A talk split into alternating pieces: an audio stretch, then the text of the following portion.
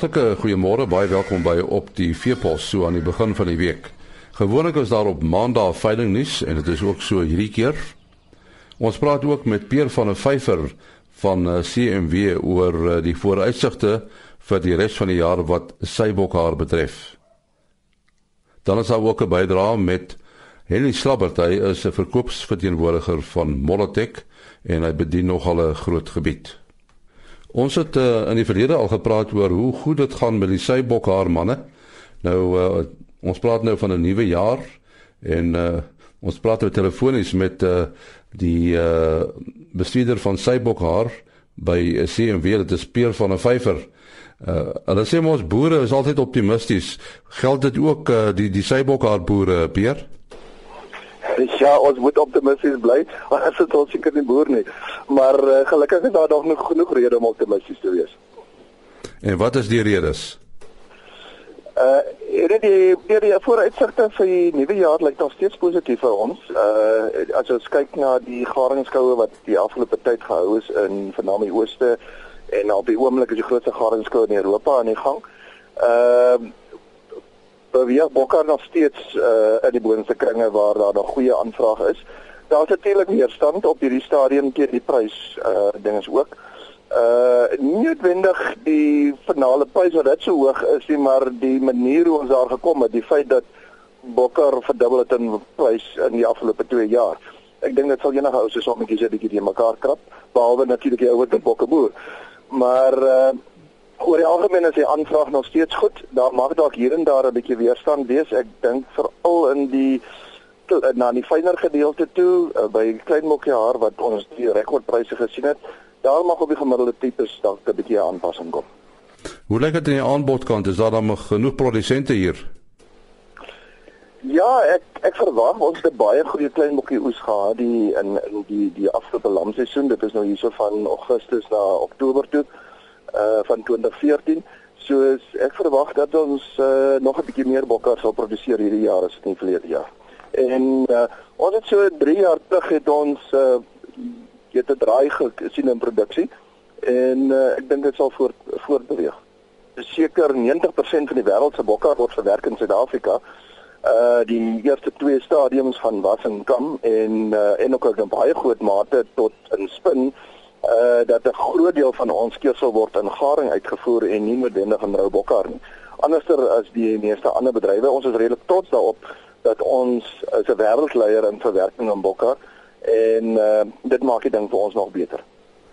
Nou is daar nogal nuwe toetreders tot die mark. Ons weet dit is 'n redelike nismark uh, eintlik aan die produsente kant.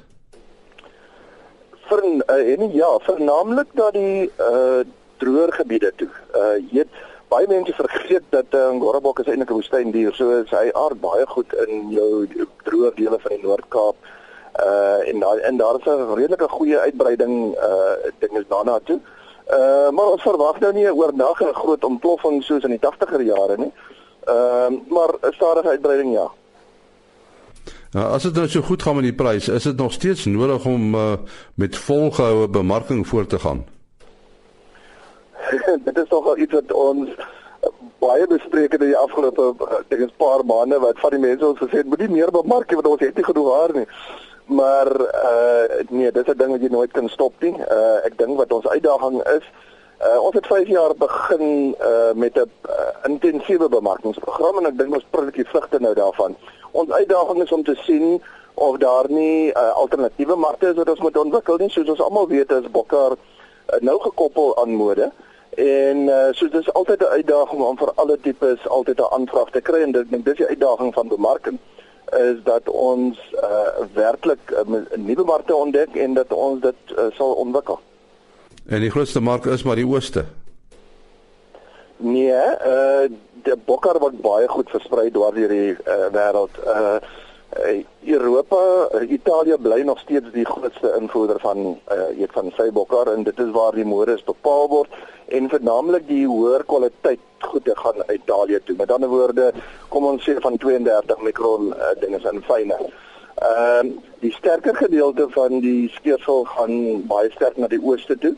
Wat ons baie oor opgemonde is wat die vernam China was altyd 'n groot verwerker van bokkar, maar nie noodwendig 'n groot verbruiker nie. Uh Japan is 'n is 'n groot verbruiker van bokkar en uh, wat ons baie oor bly is is dat daai tendens is ook besig om te verander dat en ons het ons toegespits daarop dat om uh, bokkar as 'n artikel te begin bemark in China en dit begin ook vrugte afwerp. Nou is daar ander lande wat wat ook bokkar uitvoer uh, of is ons maar die grootste en die enigste? Nee, ons is die uh, grootste, die tweede grootste is Lesotho wat uh, hier by ons op ons uh, die voort deur is, maar natuurlik die meeste van hulle bemarking uh, geskied ook maar deur Suid-Afrika. Ehm um, dan is daar 'n klomp kleiner kleiner lande, maar die, soos ek net gesê, 90% van die bokkar word verwerk in Suid-Afrika, soos die meeste van daai bokkar word opgekoop in lande soos uh Amerika, Suid-Dis nou Suid-Amerika en Noord-Amerika. Texas is 'n baie groot produserende gebied van weet van bokke en uh, dan ook dan lande soos Nieu-Seeland en Australië en dan Turkye is 'n ander baie groot produsent uh, land. Ons sê dankie aan Pierre van der Vyver. Hy is 'n uh, hoofbestuurder by CMW en ook bestuurder van Sybokhar. En nou is dit tyd vir veilingnuus. Daar is uh, net een veiling hierdie keer op Donderdag 5 Februarie bied BKB Kraddock die sewende produksieveiling van Crooks Tony Marinos by De Pit Edenburg aan. 100 AA en A ramme, 2000 oeye kom onder die hamer. Dit is aan al wat veilingnuus betref. 80085 Henny Slabbert is 'n uh, bekroonde tegniese verkoopsverteenwoordiger vir Molatech. Ja, jy is 'n tegniese verkoopsverteenwoordiger. Wat maak 'n tegniese verkoopsverteenwoordiger anders as 'n gewone verkoopsverteenwoordiger? Ek dink dit is maar die agtergrond, die opleiding ehm um, om die fynere detail van voeding aan verskeie wees en stap beter te verstaan en so die kom ons sê die, die teoretiese en die praktiese agtergrond wat die gemiddelde verkoopsman nie het nie. Nou, hoe lank doen jy al die soort werk hier nie?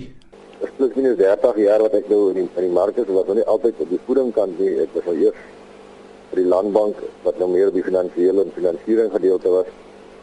Maar daarna was ek by Derrybel wat dan nou direk gekom het in Suiwel en dit het oor na 0,4 voere toe gegaan waar voeding dan die hoofbron was van inligting en deurgee en verkoopel aan verkope.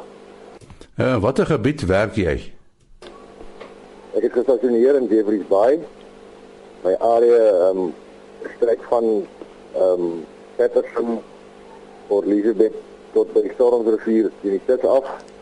En dan bedien die binneland ehm um, kom ons vat hom nou maar lankloop op, Livertina, Uniondale dan daarna op steek terwyl Aberdeen weer tot in sover is Erlike Bedford.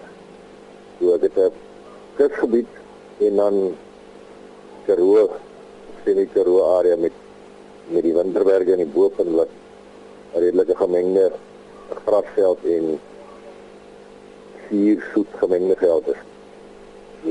As ek sien al die bedieningsgebied uh, luister, Klink dit vir my of jy baie op die pad is, dalk meer op die pad as by die huis. Ja, nee, my area is groot. Ehm um, ehm um, gemiddelde area is van plus minus 250 à 300 km van van ons is van die middelpunt tot die bopunte. En ja, ons ry baie. Ek slaap maar redelik op gereelde basis uit op die bopunte en slaap meer te met die drie ander dan weer by die huis. Is is dit vir jou belangrik om om die plase te besoek in jou gebied?